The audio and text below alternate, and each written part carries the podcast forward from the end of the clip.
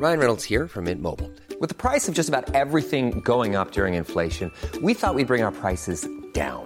So to help us, we brought in a reverse auctioneer, which is apparently a thing.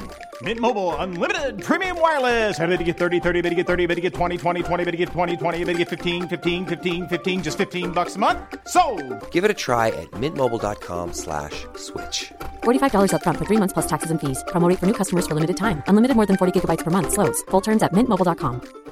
Hi, I'm Daniel, founder of Pretty Litter. Cats and cat owners deserve better than any old fashioned litter. That's why I teamed up with scientists and veterinarians to create Pretty Litter. Its innovative crystal formula has superior odor control and weighs up to 80% less than clay litter. Pretty Litter even monitors health by changing colors to help detect early signs of potential illness. It's the world's smartest kitty litter. Go to prettylitter.com and use code ACAST for 20% off your first order and a free cat toy. Terms and conditions apply. See site for details.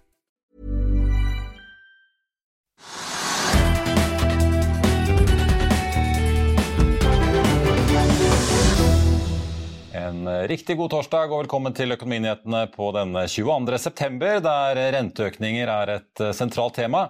Vi hører straks fra sentralbanksjef Ida Wolden Bakke, som altså økte styringsrenten her i Norge for tredje gang på rad i dag, med nye 0,5 prosentpoeng til 2,25. Og det er det samme som altså britene også har gjort i dag. I tillegg til Wolden Bakke så snakker vi også med sjefen i flyselskapet Norse Atlantic, som straffes hardt på børsen i dag etter sitt slipp av tallene for første halvår. Den aksjen er den som eh, kniver med Canopy Holding om å falle aller mest på børsdag. Den ligger ned 16,6 nå. Canopy er jo da tidligere kjent som Skitude. Det blir også teknisk analyse av eh, oljeselskapet DNO, og vi får besøk av en geolog og gründer som skal fortelle oss mer om hva som rører seg i oljenæringen og på norsk sokkel, samtidig som da energikrisen utfolder seg eh, stadig på kontinentet, og tyske myndigheter altså blar opp titalls milliarder for å redde Fortum-eide Juniper fra å vakle under de høye energi- og gassprisene. Men før det, la oss ta en titt på markedet akkurat nå. Hovedindeksen på Oslo Børs var jo opp 0,65 i går for første gang på mange dager. I dag startet den ned rundt 1% før den plutselig svingte opp og var opp litt, med 0,2% omtrent, før vi nå har falt tilbake igjen til en nedgang på nesten 0,5% igjen. Oljeprisen den har snust på nivåer under 90 dollar, men er nå over 90 igjen. Vi så jo da 89-tallet her på morgenkvisten. Nå ligger vi inne på 91,30, opp halvannen prosent i spot-markedet. Og toneangivende børser rundt i Europa trekker ned i kjølvannet av Federal Reserves, altså tredje trippelheving på rad, som kom i går kveld.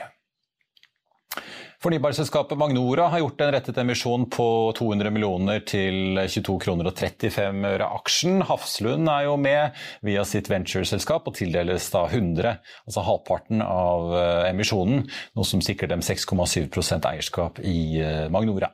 Sammen vil de to satse på solanlegg sammen med Helios Nordic, dette svenske, svenske selskapet altså, Magnora er ned 2,3 til 23 kroner, altså litt over emisjonskursen.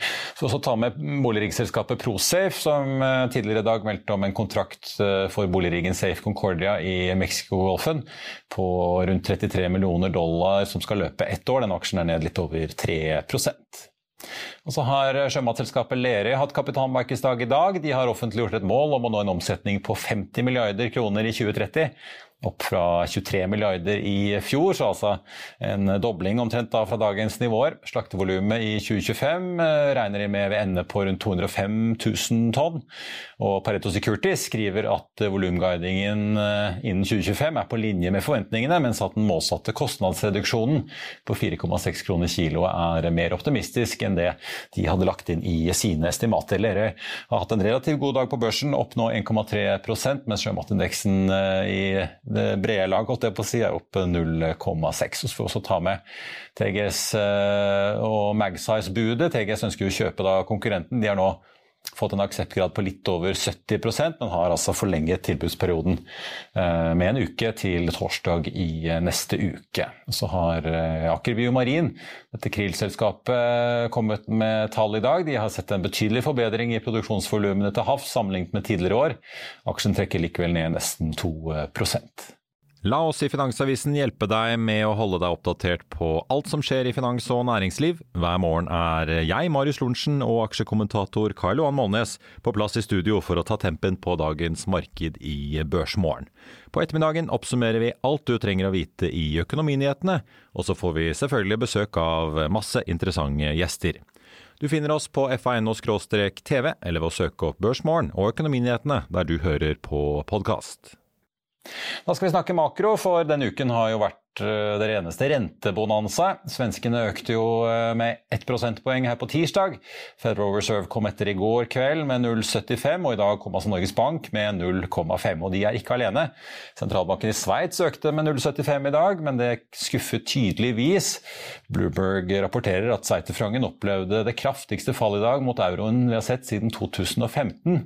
Og dette er også første gangen på åtte år man altså ikke har negative renter i Sveits, når de nå går opp til et rentenivå på 0,5% og Dermed sørger også sveitserne for at det ikke lenger er noen sentralbanker i Europa som har negative renter, ifølge nyhetsbyrået. Og I London så fulgte Bank of England opp med sin andre økning på 0,5 prosentpoeng på rad i dag. Nå ligger også de på 2,25, og fem av de ni medlemmene i rentekomiteen stemte for, men de var enstemmige i at de nå skal begynne å trappe ned den store balansen balansen av eh, obligasjoner som sentralbanken sitter på. Også interessant å merke seg at Bank of England tar ned prognosen sin for eh, si, peak inflation, som de regner med kommer da i eh, oktober. De har jo sett for seg 13% men nå tar de den ned til 11 så det er vel godt nytt for den nye statsministeren Liz Truss. I Børsmorgen snakket vi jo mye om Federal Reserve, altså, som økte med 0,75 i går til 3-3,25. Og Der varsles det flere renteøkninger, opp til kanskje 4,4, ettersom arbeidsmarkedet fortsatt er i ubalanse og er altfor stramt, til tross for at den amerikanske økonomien og boligmarkedet har begynt å bremse fra toppen i fjor, skal vi tro Jerome Powell. Men la oss vende blikket hjemover, for Norges Bank ser nå et uh, omslag i norsk økonomi og mener selv at innstrammingen i pengepolitikken deres begynner å virke. Men uh, Norges Banks egne tall viser også at forventningen der ute blant bedrifter og andre er at inflasjonen i Norge vil ligge over 2% på sikt, altså over inflasjonsmålet. Og vi var nede hos sentralbanken litt tidligere i dag og spurte sentralbanksjefen om dette, men begynte med å spørre om hvor stor nedturen blir, nå som Norges Bank altså har kuttet så mye i anslagene sine at de forventer en resesjon i Norge neste år, med et fall i fastlands-BNP på 0,3% Bare se her. Sentralbanksjef Ida Wolden Bakke, dere sier nå at dere ser et uh, omslag i norsk økonomi. Hvordan ser dere det, og hvor hardt uh, blir det? Ja, Det er riktig at eh, vi ser et omslag eh, i norsk økonomi. Nå er aktiviteten i utgangspunktet høy, eh, og arbeidsledigheten er på et svært lavt nivå. Men vi ser at veksten i økonomien har avtatt noe.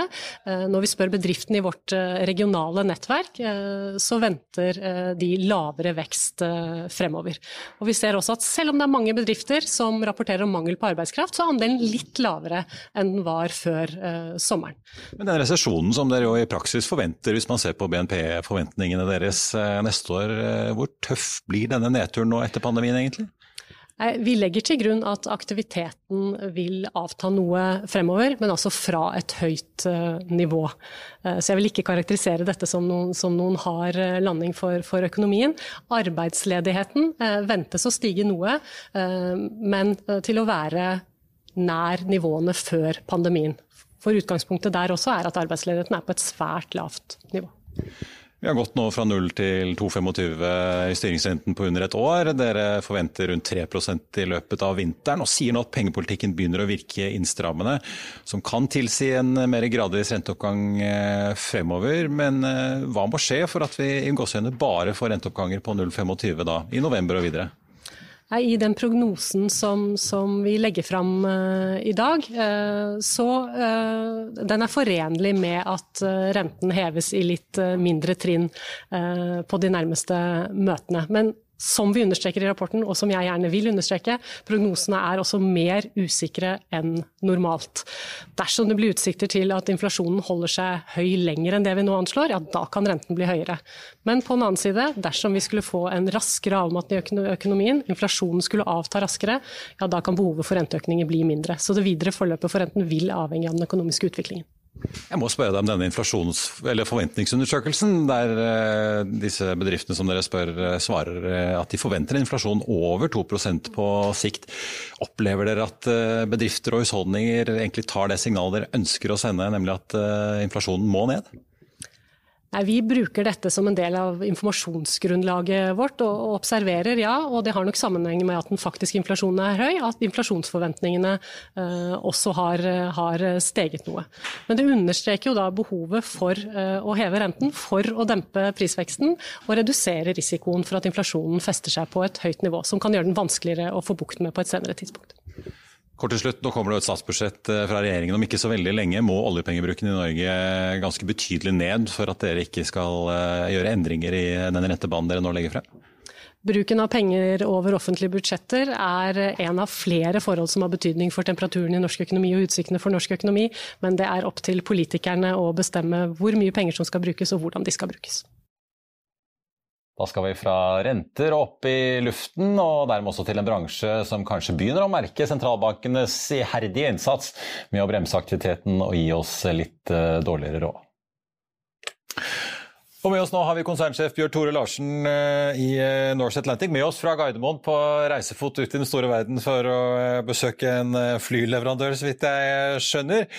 Du, Bjørn Tore, Dere kom jo da med tallene for andre halvår i, i dag, men som allerede da den 12. september som dere jo, altså den 12. september så varslet dere jo at vinteren i år kom jo til å bli ekstra krevende for egentlig hele bransjen i det som tradisjonelt jo er lavsesong.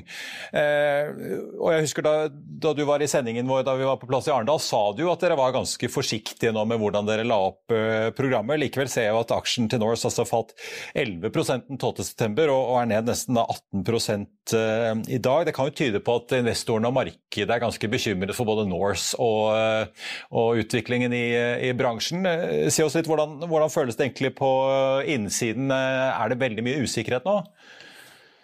Det er jo eh, mørke tider eh, i verdensøkonomien generelt. Eh, både i Europa og USA så har forbrukerne fått høye priser å slåss med. Strømregninga blir høy, rentene går opp osv. Men jeg tror kanskje det verste det er at, man, at mange forbrukere blir litt pessimistiske når de eh, skrur på nyhetene og, og, leser avisene og får veldig mange advarsler. og Det kan nok smitte litt over på hvordan forbrukerne velger å bruke pengene sine. og Vi tror at det kan være negativt for luftfarten i den vinteren som kommer inn nå. Det har vi formidla. Men, men, samtidig så ser vi at vi har ganske mange som ønsker fortsatt å reise, til tross for dette her. og, og det som kanskje er er den største endringen i forhold til hvordan det har vært, er at folk booker mye nærmere avgang nå enn de gjorde tidligere. Så det er vanskeligere for oss å spå hvordan november blir eh, nå enn det ville vært i et normalår.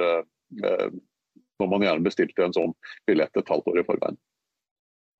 Ja, si, si, litt Hvordan ser egentlig bookingtallene deres ut nå utover høsten, sammenlignet med hva dere hadde av forventninger? Eh, ser man på trafikktallene fra si, dere og Norwegian flyr og SAS og egentlig alle sammen, så fall kan det tyde på at man fikk en ganske god oppbremsning allerede i august fra de høye nivåene man så i uh, juli. Hvordan ser høstferien og september, oktober og november ut? Høstferien ser jo for så vidt fin ut, men eh, vi dekker jo ikke bare Norge. Vi er jo på plass i, i UK, i Tyskland og i USA, og skal jo også etter hvert inn på andre markeder. Og vi ser at i alle disse markedene så er det større eh, nøling nå enn det var eh, når alle skulle kappes om det samme flysettet i juli måned.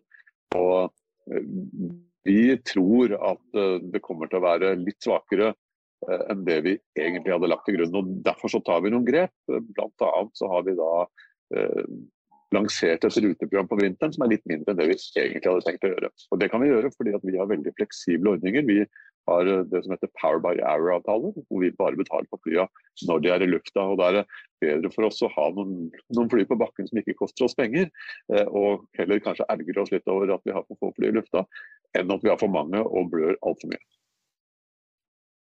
Ja, jeg sier litt om de grepene som dere kan ta. Det, dere har jo lansert eh, altså, ruter selvfølgelig fra Norge til USA. Dere er i gang via si, Oslo-London, USA. Dere er i gang med Berlin til, og Tyskland til USA, og Frankrike er vel rett rundt uh, hjørnet. Er det sånn at dere tar ned frekvenser bare, eller er det ruter som droppes eller bare utsettes, eller?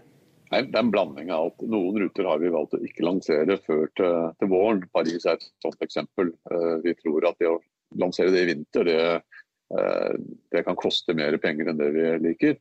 Eh, og, og, andre ruter har vi kanskje sett på å tynne litt i forhold til eh, hva vi har gjort. Og så er det noen ruter som vi ikke har signalisert tidligere, som vi kanskje hadde vurdert, men som vi ikke kommer til å gjøre i vinter. Den ruta som er litt spesiell hos oss, det er den som går Oslo, London, New York. Den er jo der for å fylle det som heter et sånt Fifth Freedom Need. Vi, vi fikk anledning til å få slått på Gatwick, uh, aldeles gratis. Uh, og, uh, men måtte begynne å fly før vi egentlig hadde tenkt å begynne å fly fra UK. og Da valgte vi den ordningen. Det er ikke en optimal ordning, det er ikke noe vi kommer til å gjøre i, i lang tid. våre fly er litt for store til å fly kortdistanse. Men når vi da er i gang fra UK på vårparten, så, så vil den ruta bortfalle. og Det er sånne ting som, som man må se på som en liten investering i framtida. Når det er sagt, så ser vi veldig mange som liker å reise med oss til London. Så vi har faktisk noen fly, selv om det tar 338 passasjerer, så har vi faktisk noen fly som er fulle til og fra London. Vi får eh, oppfordre alle flyentusiastene som har lyst til å fly Dreamliner eh, på en eh, kortdistanserute, om å kaste seg rundt og bestille. Men altså, si litt hell i uhell, så har jo fraktratene vært veldig gode. Og som du sa tidligere, det har jo vært bedre dere ventet, eh, særlig da norsk sjømat selvfølgelig til USA. Men er det sånn at eh, disse fraktratene kan holde fly i luften eh, gjennom vinteren for dere, eller er ikke det nok til å oppveie for da høye drivstoffpriser og eventuelt da bortfallet av passasjertrafikk? Nei, det er ikke nok til å fly frakt alene. Du er nødt til å passasjerer også for å, å gå rundt. Men det dekker en god del av regninga for fuel. Så fuelprisene har jo mer enn dobla seg siden vi starta selskapet og satt rutenettet. Og og Det er klart, det kan du delvis justere ved å justere prisene dine opp. Men i et marked hvor forbrukerne er litt redde, så er det grenser på hvor mye du kan ta på flybilletten. Og vi ønsker å være billige, og vi ønsker å gi skikkelig value for money. Så, så for vår del så har frakten vært veldig viktig for å få ruter til å, å, å gå rundt, som ellers ikke ville gjort det. Men du kan ikke leve bare av frakt. Til slutt, eh, Vi må ta litt på, på regnskapstallene og kontantstrømmen, som jo er veldig viktig i flybransjen. I hvert fall når det er litt usikre tider. Jeg forstår det jo slik at nå har Dere da, dere får inn av det 15. flyet fra leasingselskapet nå i løpet av fjerde kvartal. Dere har vel en 13 eh, nå. Eh, og Disse blir jo da etter reglene sånn som vi husker Norwegian måtte gjøre om for noen år siden. altså Disse blir jo balanseført eh, fullt ut. Så det ser jo ut som dere plutselig får masse forpliktelser, selv om dere da bare betaler for bruken. Så har dere da leide ut fire av de til EU og Europa. Eh, men jeg ser jo likevel da går dere ned Dere startet jo året da med 134 millioner dollar på, på konto. Eh, går ned til 106 da, hvis man ikke tar med det som er restricted og noe dere har plassert i, i, i statsobligasjoner, så vidt jeg skjønner det. Ned 27 millioner dollar. Men altså, det store spørsmålet er, vil dere trenge påfyll i løpet av uh, vinteren, sånn som det ser ut nå, eller er den bufferen da på en, uh, på en 106 uh, eh, per 30. juni nok til å komme til sommeren 2023? Som det ser ut nå, så er, så er, det nok. Så vi har ikke noen planer om å hente penger. og vi, vi, vi hadde et reelt underskudd før, et operativt underskudd da, på ca. 18 millioner dollar første halvår. Men det er klart det er veldig mange engangskostnader som er dekka av det inkludert uh, store ting som tar levering av fly, trene opp alt crew, det var mange mennesker som du skal betale for, og som du skal ta gjennom ganske kostbar trening. Og til dels må du trene i flyet også, som er veldig dyrt. Uh, og, og, dette er kostnader som ikke du får på normal basis. Eh, og så har vi jo nesten ikke hatt inntekter, for vi har bare operert i to uker i første halvår. Så underskuddet som sådan, det, det er stort, men, men, mesteparten er jo regnskapsteknisk i forhold til leasingforpliktelsene. Og så har vi leid ut fire fly, og vi har ikke balanseført noen av av inntektene i samme periode som vi har, langs, som vi har utgiftsført forpliktelsene. Så, så det, er ikke, det, er ikke, så gærent. Og Cashmessig så ligger vi godt an per første halvår, men vi er nødt til å være veldig forsiktige. og vi er nødt til, For meg er det, det er bedre å, å være litt vel konservativ enn å være litt vel aggressiv. Eh, at man skal hente cash, det har vi ingen planer om, men du skal aldri uh, rule anything out in any business, og, som du vet, Marius. Men vi, vi, vi tror vi er på godt sted. Nei, det kan man selvfølgelig ikke, men likevel altså, har du et tall på hvor lavt du kan komme, gitt at du da har Power by the Hour på hele flåten din og i tillegg har leid ut fire av de hvor du får inntekter som du deler med leasingselskapet. Har du liksom et tall på hvor lav cashburn dere kan komme ned i, når dere jo tross alt har et uh, administrasjonsapparat og mange flyvende ansatte som jo tross alt er ansatt og er i gang og skal ha betalt de også? Ja, det har vi så, men Selv om vi hadde satt alle flyene på bakken, så hadde vi hatt nok cash til å komme gjennom. Eh, så kunsten for oss er å finne den balansen hvor vi eh, opererer ute vi tjener penger på og har god cashflow, men samtidig at vi har eh, nok fart når vi kommer ut svingen til å gi bånn gass på sletta. Fordi Sommeren 2023 har vi store forventninger til. Vi er veldig optimister. Vi tror mange kommer til å reise. Mange kommer til å, å reise over Atlanteren også. Og, og, og, veldig mange av kundene våre kommer til å være i USA. fordi Kjøpekraften er fortsatt ganske sterk i USA. Arbeidsledigheten er, er, er, ganske lav. Og dollaren er veldig sterk, så vi kommer til å bruke mer krefter på å få amerikanere til Europa enn vi kommer til å bruke krefter for å få europeerne til USA fremover. Vi får eh, på vegne av bransjen, som jo har hatt noen eh, tøffe år, eh, krysse fingrene. Bjørn Tore Larsen i Norse Atlantic, takk for at du var med oss. Takk skal du ha. Så får vi ta med at uh, Norse Atlantic eh, begynner å trade på OTC-listen i uh, USA nå, bl.a. selvfølgelig for å få tilgang til amerikanske investorer. Ifølge Bjørn Tore så er det etter da, etterspørsel fra nettopp investorer der borte. Norse Atlantic nå ned 17,3% den desidert verste dagen i selskapets halvannetårige børshistorie, får vi si.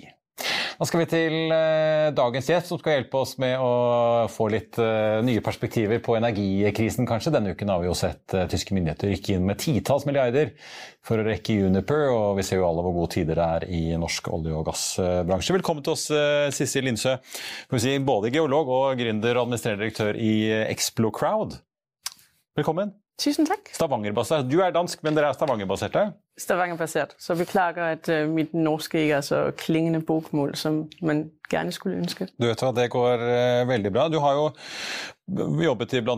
Uh, Noreco, og så er det da seks år siden du startet uh, dette selskapet. Et slags hva skal vi si, konsulenthus for leteavdelingene rundt omkring til oljeselskapene? Helt riktig. Ja. Så vi går inn og bidrar der når, når forskjellige selskaper ser en businessmulighet som de øh, må flytte seg litt fort for å ta, øh, eller at de trenger kompetanse som de ikke har in-house, øh, eller vi kan bidra på en annen måte. Ja, typ, ja. Hvis et oljeselskap f.eks. får tilbud om å kjøpe en, et funn eller en lisens, så kan de ringe dere for å få hjelp til å regne ut uh, hva man kan uh, håpe å få ut av det funnet, kanskje?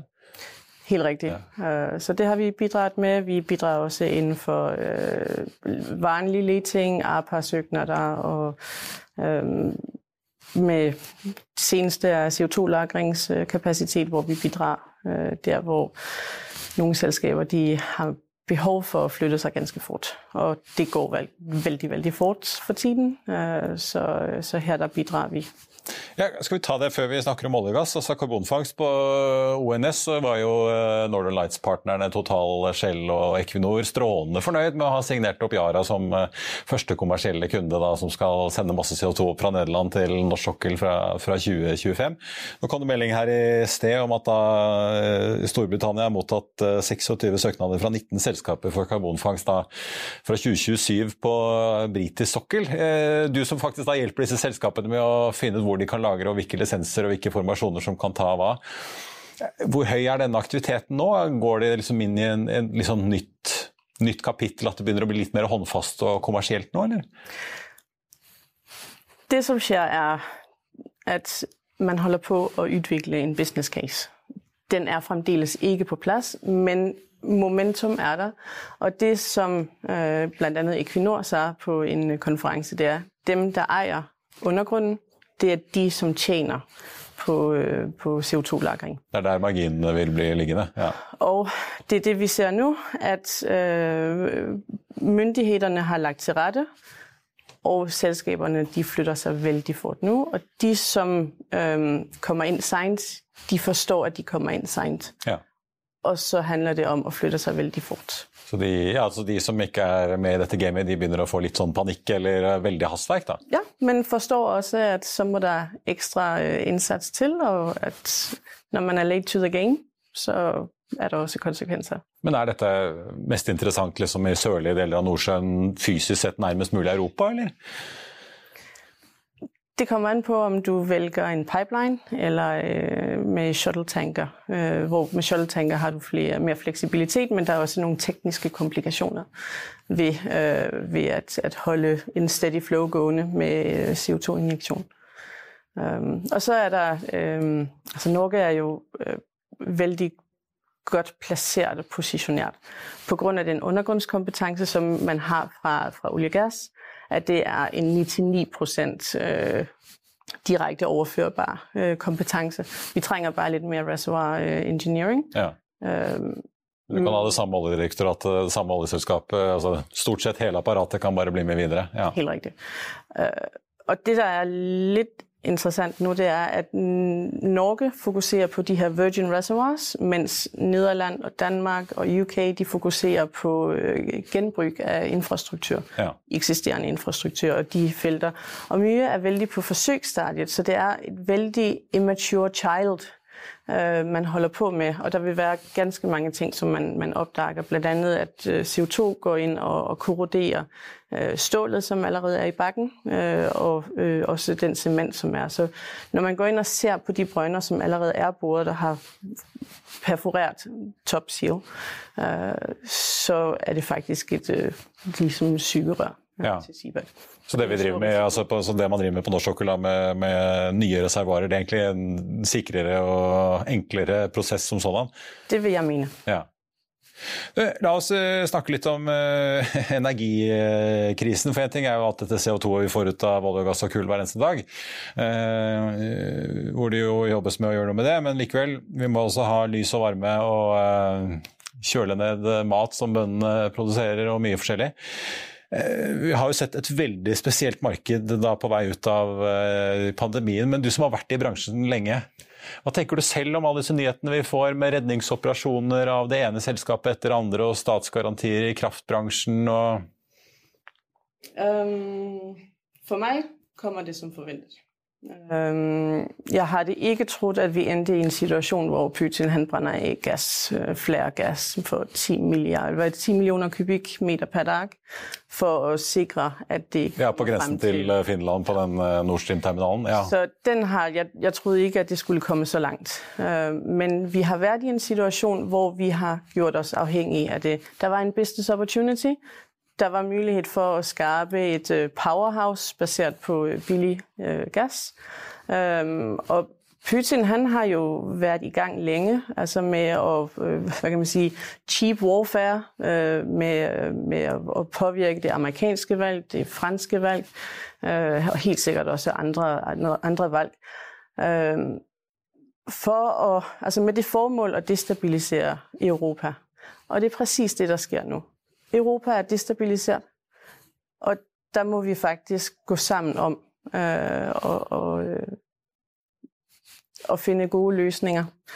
Um, jeg er personlig overrasket over, at politikerne ikke gikk ut allerede i våren, da EU faktisk varslet varslede om, at der ville komme øh, store forandringer og formodentlig også øh, rasjonering og selve ordet rationering, det er jo noe som er fullstendig uh, ukendt for de fleste. Jeg har vel ikke sett det siden oljekrisen på starten av 70-tallet eller noe sånt, ja. Og hva er implikasjonene? Det mener jeg faktisk, at man har et ansvar for som politiker å gå ut og forklare befolkningen. Hva er det, det betyr, hva det, det innebærer. Uh, og hvis man velger å gå med, uh, velger å og se det som en mulighet at vi igjen skal importere russisk gas, hvad er det så for nogle ting, man skal gå på kompromis med? Mm. Så nu kommer vi lidt ud forbi det geopolitiske, jo, jo. men det, det er jo en, det er jo en, en, en del af, af, hele det store game. Men det er jo, altså, hører du på mange av disse oljetoppene, særlig de som kan være litt mer frislupne i formuleringene, så har mange av de snakket i flere år om at de mener at det er generelt underinvestert i bransjen. Så er det få av de som vil si at de selv underinvesterer, men uh, likevel, de påvirker, påpeker jo det. Og vi hadde jo uh, den norske investoren Tor Olav Trøim her som i forrige uke sto på Pareto-konferansen og sa han var både lei ESG og, og, mente at nå får vi en kjempe-supersyklus uh, innen olje og gass. Ja, hvordan hvordan, hva, hva, leser du? Hva, hva, står vi egentlig overfor?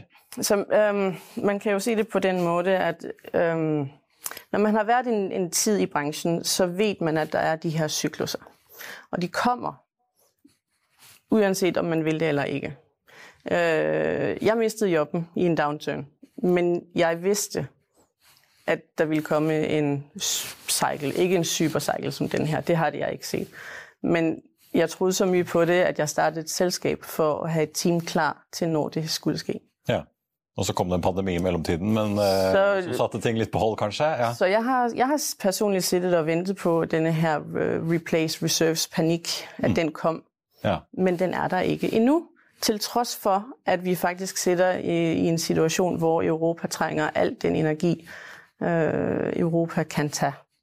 Ja, for at vi har jo en veldig spesiell situasjon hvor det er helt vanvittige priser, særlig på gass. Oljeprisen har også ligget på 90, 100, 110, 120 dollar nå ganske lenge. Inntjeningen til olje- og gasselskapene er jo helt fenomenal. Det samme ser vi i kraftbransjen, litt avhengig av hvor mye finansielle derivater de har satt seg i, riktignok. Men slår dette inn i leting i det hele tatt? For vi hører jo f.eks. Altså, under den syklusen vi hadde utover 2000-tallet som kulminerte vel i 2014, så ble det jo satt i gang masse nye prosjekter, masse nye rigger ble bestilt, masse nye supply-båter. Og så sto vi der i 2016 med en hav av rigger og supply-båter og masse greier i opplag, og det var helt krise. Nå virker kanskje... det jo ikke som det bygges en eneste ny rigg, omtrent. Men hva skjer egentlig på, på letefronten? Det no, er, skjer det noe som helst, eller? Um, vi har ikke opplevd mye aktivitet på letefronten. Vi har opplevd mindre aktivitet i forhold til andre år. Og det har noe med kvaliteten i uh, de, det området som er, er ledig. Men uh, min store bekymring det ligger på to punkter. Uh, nummer et, mangfoldighet av oljeselskapene. Og det er også noe som Oljedirektoratet de, de faktisk fremhever. At nå har der vært så mange oppkjøp fordi hvis man vil ha growth i reserves så er der to måter å gjøre det på. Det er leting, eller det er å kjøpe hverandre. Ja, for vi har jo sett eh, Exxon og Chevron eh, har jo forlatt norsk sokkel. Aker BP har kjøpt uh, Lundin. Men, men, det gir muligheter. Ja. Fordi når du har et utenlandsk selskap med en stor global portefølje, så er det så mange muligheter som de ikke har mulighet for å ta. Og det åpner opp for historien om Balder. Mm. Ja, som Vår Energi nå etter Exxon er i full gang med å ruste opp, selv om det ble en god del dyrere enn forventet. Ja. ja. Um, den anden bekymring er, at øh, den måde, som Altså, der, der er højt aktivitetsniveau inden for leting, og det, det sier alle, og det er på en måte riktig. Men det som jeg ser det som, det er at, øh, at, at det handler mest om at det er infrastructure-led exploration, så det handler om allerede eksisterende operationer og drift. Og hvis man tager en innovationsportefølje, så burde det egentlig være 70% på daily operations drift, 20% på emerging, og så må du faktisk ha 10 på, øh, på, øh, på, på, de her frontier, de her crazy ideas, men, men dem som kan være company makers, og det ser vi bare ikke. Men der har, der er jo ja, for det er ikke noen vilje til å gå ut i altså åpnet område, men likevel i Barentshavet eller eh, Norskehavet eller hvor det skulle være hvor man omtrent ikke har boret? Ja, altså til eksempel Lundin har jo vært uh, daring, men de har vært systematiske i deres fremgang. Så de boret en brønn som Silfari, som er Altså alle visste at, at risikoen var høy. Men det gav så viktig læring om et område. Og nå står vi faktisk med en cirkel hvor på UK-side, der har de boret tre gange så mange brønner på et område, som er på størrelse med vores Nordsø. We haven't even started yet. Ja. Um, og vi har så mye som vi, vi kan undersøke, men, men de konsepter og de ideer de krever en høj oliepris. Vanligvis så en oliepris over 80 dollar, der har du full rulle. Da begynner ting å skje? Ja. ja. Uh, men det har ikke skjedd denne gang. Og jeg tror, at det handler om øh, beskeden fra Europa. At nå kører vi The Green Deal. Vi trenger ikke fossile brændsler længere. Nu skal alt være hydrogen.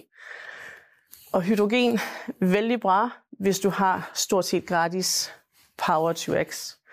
Um, men det har vi ikke, og det kan vi ikke se frem til å have i lang tid fremover. Men disse selskapene, altså Aker og Equinor og, og egentlig alle sammen, skryter jo veldig av den ILX-letingen sin, altså næreksisterende felt og infrastruktur, og, og, og viser til hvor mye volumer de klarer å få opp der. Men uh, sier du egentlig at det er egentlig ikke så reelt?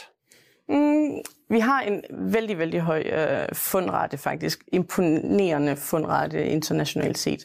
Uh, men de volumene som blir funnet, de er tilpass store. Men du finner jo ikke de her 200 millioner fund, som alle går og leder efter. Finner ikke helst, et nytt Grieg eller Sverdrup? Helst en Johan Sverdrup ja. øh, klar til produksjon om fem, ja. fem år. Ikke? Så det jeg savner veldig, det er langsiktigheten. Altså Til eksempel så er der øh, Vi har det vestlige Barentshav. La meg lige forklare den med Barentshavet øst og vest. Mm.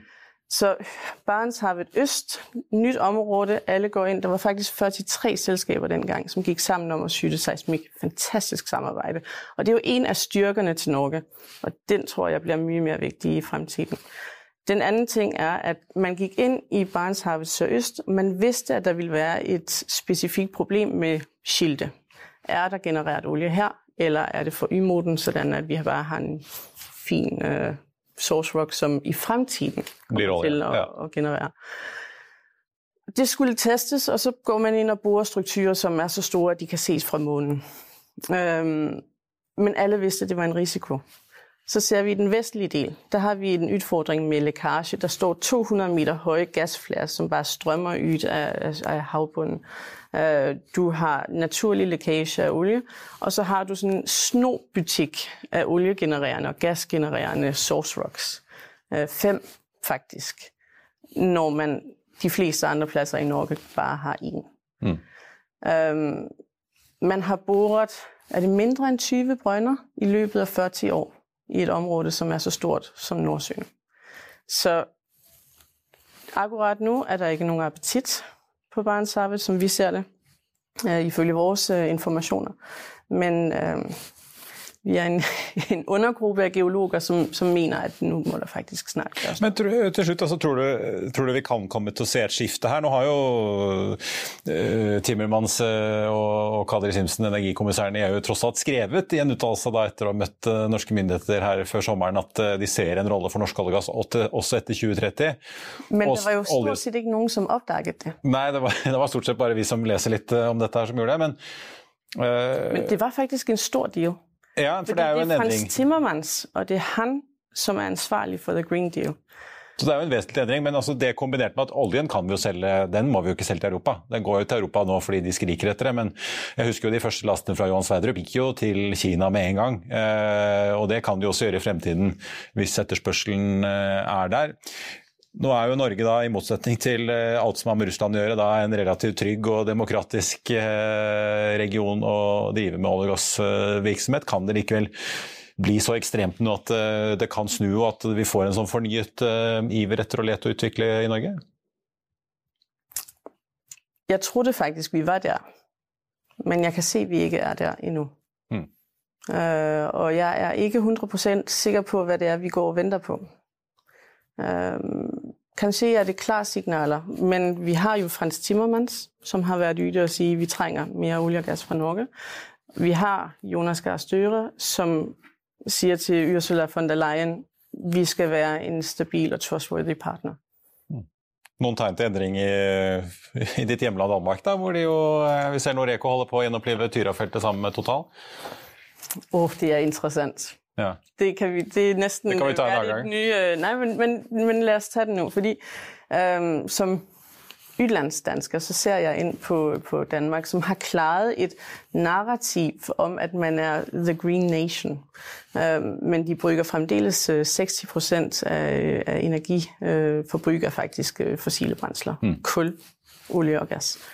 Um, Men man har klart å fortelle befolkningen at, uh, at uh, Vi lever av vindmøller. Ja. ja. Eller lever på vindmøller. Så, så det jeg har vært nysgjerrig efter, det er hva skjer der når CO2-kvoteprisene kommer til å stige, og folk faktisk skal betale? Det er befolkningen der skal betale for det her. Men energiprisene kommer oss i forkøbet. Og Danmark har i alle år faktisk vært selvforsynende med olje og gass. Men pga. Tyrafeltet er stengt ned, er det ikke lenger. Nei. Så ministeren han har jo stengt ned for leting, eller efter 2050. Øh, så det blir virkelig interessant å se hva det skjer der. Ting kan skje på begge sider av øh, Skagerrak. Sissel Line Linsø i Explo Crowd, takk for at du kom til oss. Det blir spennende å følge med. På tappet av sendingen så tenkte jeg bare vi skulle ta en kjapp titt på øh, markedet. Hovedindeksen på Oslo Børs nå ned 0,1% til 1162 poeng på en oljepris eh, som jo vi ikke kan ta æren for har steget så mye gjennom praten her i studio, men den er altså nå på 2,7% eh, opp til 92,30 84 den amerikanske lettoljen på 85,5 dollar, da begge i spot markedet. På listen over de mest omsatte aksjene ligger Equinor opp 0,9, Aker BP ned 0,7, og så har vi DNB faktisk, som vi ikke har sett så høyt på mest omsatt-listen på en god stund, opp en halv prosent, men da Hydro etter det, som er ned 1,2% Vi må ta med noen av aksjene som har kommet med nyhet i dag. Lerøy da med sin kapitalmarkedsdag og varsler da en kraftig omsetningsøking opp fra snaue 25 til 50 milliarder i 2030. Ligger nå opp 1,3% med en sjømatindeks som er opp 0,7 Norse Atlantic ligger da Nå har de passert Canopy igjen og ligger da inne som aksjen som er aller mest nede i dag. Ned nå 17,2% ned til 5 kroner og 70 da en fjerdedel av hva kursen lå på da selskapet gikk på børs her i fjor våres, og desidert da den verste børsdagen selskapet har hatt. Så får vi ta med Magnora, som altså har kjørt en emisjon og ligger nå på 0,4 da til 23,65, en krone over emisjonskursen omtrent. TGS er ned 2,2 da, etter meldingen om at de forlenger budfristen på Magsize-oppkjøpet. Magsize ligger opp litt over 6 ser jeg nå her på Oslo Børs på tampen av børsdagen. Futuresene på Wall Street peker mot en forsiktig oppgang. Etter den ganske solide nedgangen vi så i går da, etter rentemøtet, der Federal Reserve økte styringsrenten til mellom 3 og 3,25, opp 0,75. I Finansavisen i morgen så kan du lese Trygves leder om mer vind, olje og gass. Du kan lese Kapitals ferske 400-liste som er klar og har vært i trykken. Så blir det selvfølgelig masse mer rentestoff, og du kan lese om Alfred Berg-forvalter Christian Tunhold som ikke tror på en resesjon. Og da er vi ved slutten av denne sendingen. I morgen er det fredag, og da er vi på luften igjen klokken 13.30 med Trygve i studio. Og før den tid så er det Børsmorgen med Karl Johan og meg 08.55. Da får vi besøk av DNB Markets analytiker Håkon Astrup. I mellomtiden så får du selvfølgelig alltid siste nytt på fa.no. Takk for nå. Vi ses igjen i morgen.